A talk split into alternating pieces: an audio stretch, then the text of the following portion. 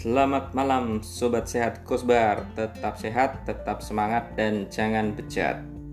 Di episode perdana ini kita akan mengulik sedikit mengenai apa itu self-improvement Dan bagaimana caranya kita melakukan self-improvement dalam kehidupan sehari-hari kita Baik kehidupan sehari bersosialisasi ataupun dalam hubungannya dengan pekerjaan maupun bisnis kita.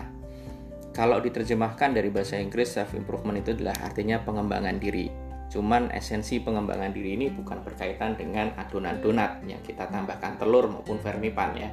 Tapi bagaimana kita bisa mengolah apa yang kita mampu menjadi dua kali lipatnya atau tiga kali lipat atau bahkan lebih dari situ. Orang biasa menghubungkan self improvement itu dengan status jabatan atau penghasilan, tapi jauh dari itu semuanya ada hal yang paling penting yaitu mengembangkan apa yang sekarang kita nggak bisa menjadi bisa. Jangan pernah batasi kemampuanmu dengan penghasilan. Contohnya, eh, saya pernah katakan kepada tim saya di perusahaan saya yang lama, eh, saat itu kondisinya adalah eh, tim itu dimotivasi karena ketika mereka disuruh keluar kota, insentif mereka sudah tidak diadakan lagi atau sudah dihilangkan insentifnya. Sehingga mereka dimotivasi saya nggak mau keluar kota. Saya nggak mau e, melakukan perjalanan dinas kalau tidak ada insentif. Karena saya harus ini ini ini itu ini ini ini itu dan sebagainya. Oke saya hargai. Karena mereka punya kebutuhan yang e, mungkin mereka mengandalkan dari insentif itu. Tapi yang saya mau perjelas di sini ketika kita membatasi diri kita dengan sesuatu ya apa yang akan kita dapat? Itu tentu saja kan uh, istilahnya itu ya sudah saya dapat sekian berarti saya melakukan ini. Saya dapatnya sekian berarti saya bisa tambahkan lakukan ini.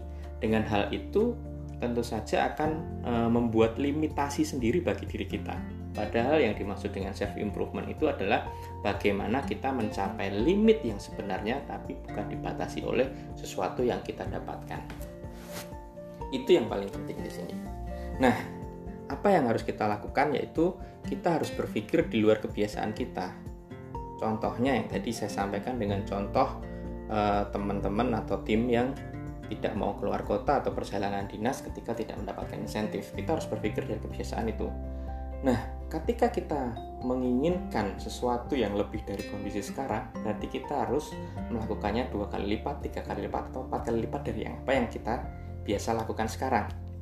Contohnya, sekarang saya biasa melakukan uh, pekerjaan rutinitas sebagai uh, tukang input. Orang yang mengenal kita atau orang yang kenal kita lebih lama daripada orang yang di sekitar kita atau di lingkungan pekerjaan itu akan tahu kita bisa melakukan lebih dari itu. Tapi karena kita sudah membatasi sesuatu hal dengan apa yang uh, kita dapatkan, ya orang akan mengecap kita ya kamu cuma bisa nginput. Kamu adalah tukang input. Tapi ketika kita melakukannya lebih dari itu oke okay, saya saya adalah orang tukang input. Saya adalah administrator. Ah, saya adalah uh, istilahnya di sini ini hanya inputin apa yang disuruh orang. Nah ketika saya bisa melakukan lebih dari itu misalnya oke okay lah sekarang mungkin saya menginput.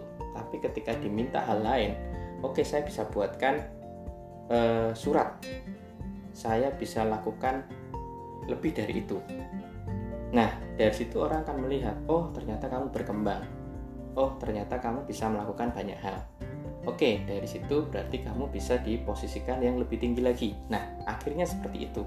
Yang kedua, kita harus rendah hati. Kenapa harus rendah hati?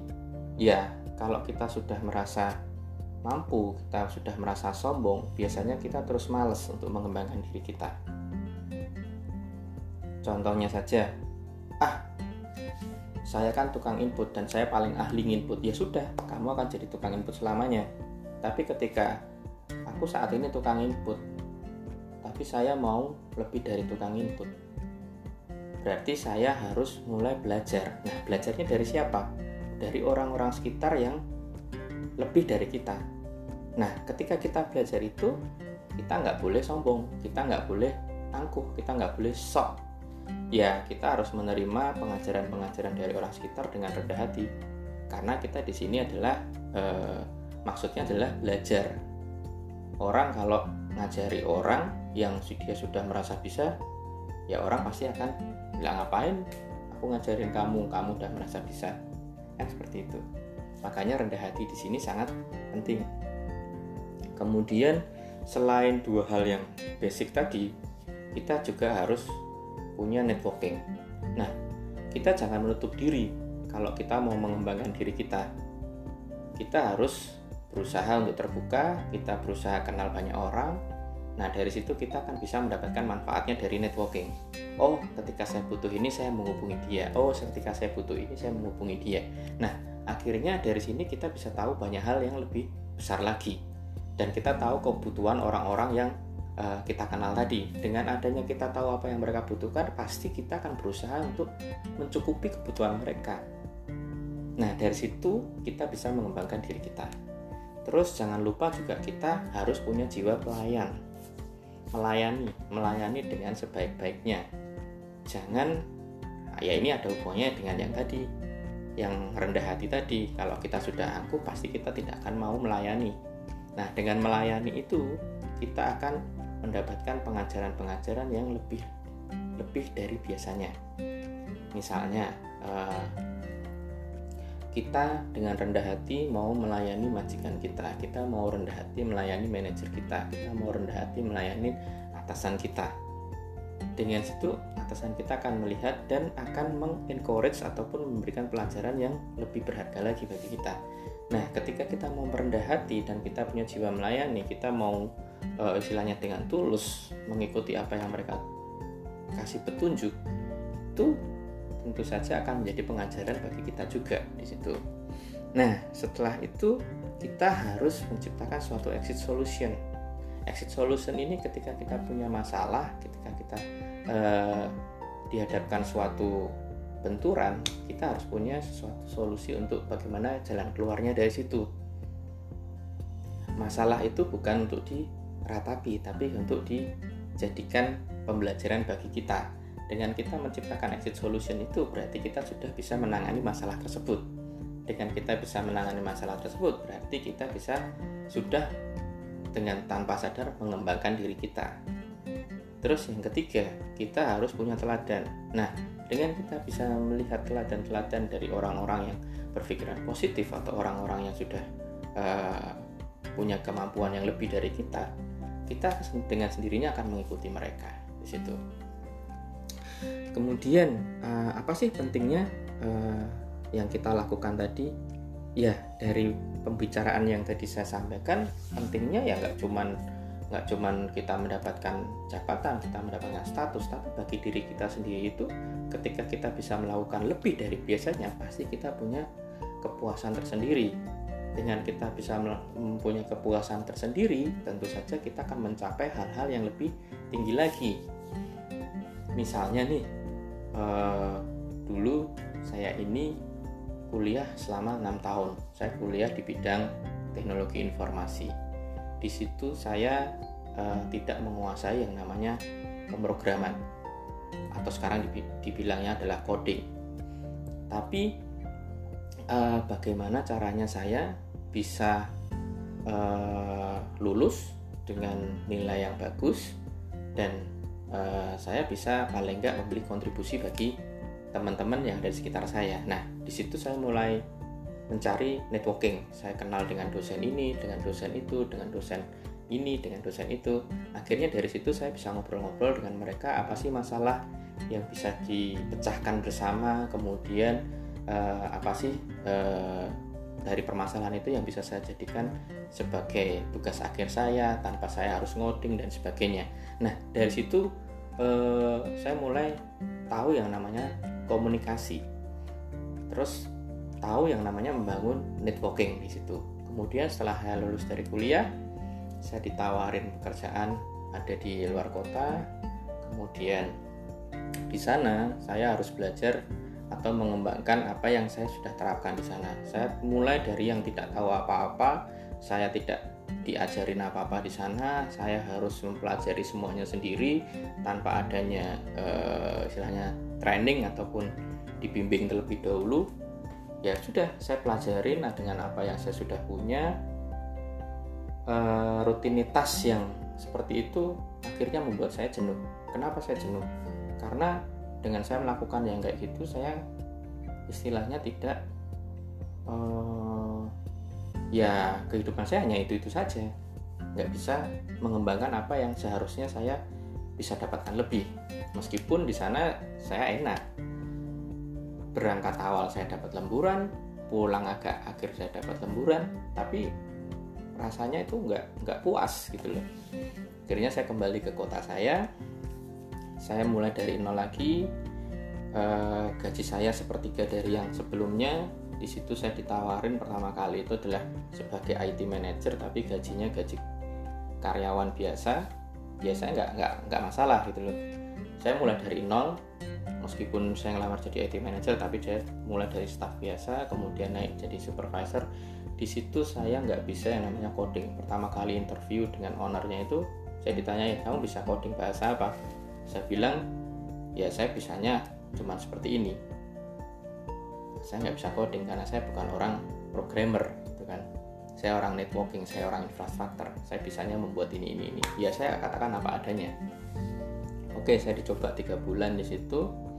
Cuman e, dari situ saya jadi terpacu bagaimana sih caranya saya mulai menerapkan apa yang saya dapatkan untuk e, perusahaan ini gitu lah nah di situ saya kenal teman-teman yang memang punya semangat yang bagus saya bersyukur sekali di situ.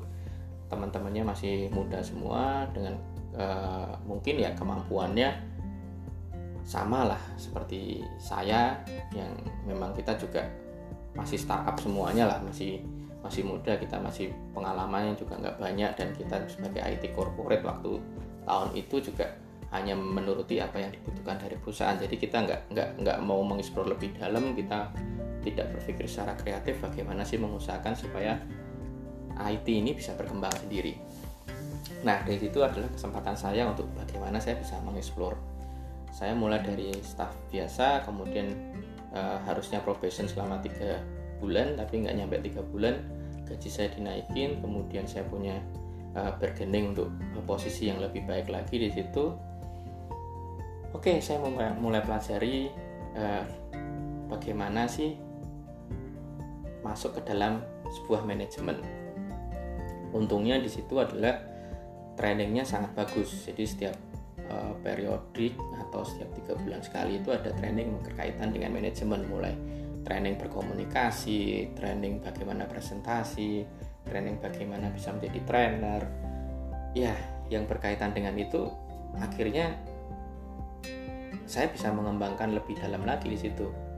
Kemudian dari situ eh, saya kebetulan pindah perusahaan yang lain, jadi saya sudah lebih mengerti.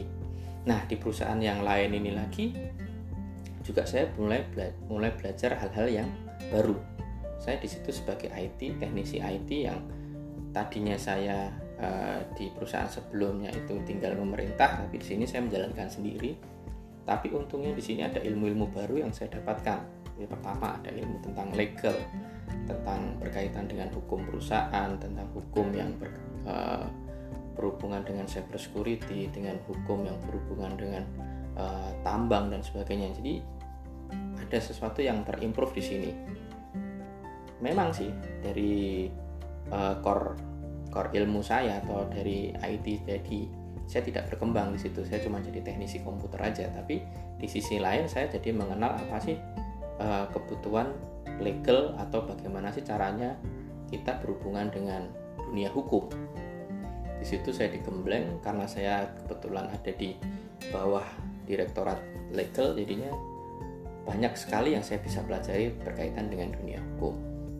Kontrak dengan vendor bagaimana mengevaluasi suatu kontrak bagaimana terus kemudian yang berhubungan dengan SDM bagaimana kontraknya NDA itu apa yang tadinya saya nggak pernah mengerti di sini saya dibukakan. Kemudian dari situ pun eh, pindah ke perusahaan yang lain yang di mana juga nggak ada hubungannya sama IT saya di bagian marketing. Bagian IT-nya cuman saya mensupervisi uh, vendor untuk membuatkan aplikasi bagi salah satu anak perusahaan. Nah, di sini saya mulai belajar banyak mengenai yang namanya dunia marketing, bagaimana branding, bagaimana uh, melakukan promosi, bagaimana uh, uh, mencari vendor yang berhubungan dengan advertising, terus pitching vendor dan sebagainya ketemu dengan talent bagaimana membuat video membuat iklan dan sebagainya. Nah dari beberapa perusahaan ini akhirnya eh, saya bisa mengetahui banyak hal. Yang pertama tadi saya mengembangkan di bidang saya sendiri bidang IT terus saya belajar mengenai manajemen kemudian di perusahaan selanjutnya saya belajar mengenai dunia hukum. Kemudian selanjutnya lagi saya belajar mengenai bagaimana berpromosi yang baik atau membranding yang baik tentang marketing yang baik. Akhirnya ini saya rangkum semuanya. Nah ketika saya ditawari uh, seseorang untuk membuat suatu produk saya bisa menggunakan semuanya ini ilmu-ilmu yang saya dapat ini untuk mengembangkan produk saya. Nah di sini yang saya mau cerita saya bukannya mau sombong atau mau pamer atau mau apa saya cuma mau cerita bagaimana caranya saya mengembangkan diri saya. Meskipun saat ini saya juga belum mencapai limit perkembangan saya. Saya masih harus tetap belajar. Saya masih menganggap diri saya sebagai amatir. Nah di situ kuncinya yaitu di setiap perpindahan perusahaan itu saya tidak pernah memaksakan penghasilan saya harus sekian pokoknya saya terima aja berapapun penghasilannya asalkan itu cocok ataupun asalkan itu sudah cukup mencukupi kehidupan saya dan keluarga saya saya anggap itu adalah kuliah dibayarin seperti itu Nah, kalau saya membatasi dengan penghasilan, mungkin orang akan melihatnya saya mata duitan yang pertama. Yang kedua, oh money oriented. Akhirnya orang nggak mau menerima saya dengan apa adanya dan nggak mau orang mengajarin saya. Dan orang akan menganggap saya, wah kamu udah paling bisa karena kamu penghasilanmu udah sekian. Nah dari situ saya nggak dapat ilmu apa-apa dong. Saya nggak bisa mengembangkan diri lagi dong.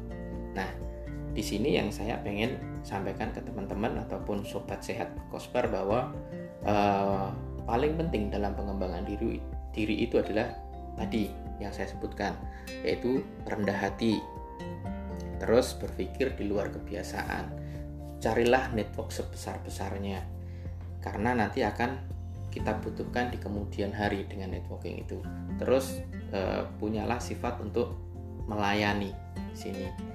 Terus jadilah orang yang uh, bisa uh, mencari solusi atau mencari jalan keluar dalam setiap permasalahan. Bukan lari dari masalah bukan meratapi masalah tapi bagaimana caranya permasalahan itu kita selesaikan dengan baik. Terus kemudian carilah teladan yang bisa menyemangatimu atau bisa kamu jadikan role model. Di situ. Oke kurang lebih seperti itu untuk malam ini atau episode pertama ini. Nanti akan kita sambung lagi dengan pengalaman-pengalaman yang dari narasumber-narasumber yang memiliki karakter-karakter unik dalam pengembangan dirinya. Berkaitan dengan keluarganya, berkaitan dengan pekerjaannya, ataupun berkaitan dengan bisnisnya. Selamat malam dan stay tune terus di Kosbar. thank you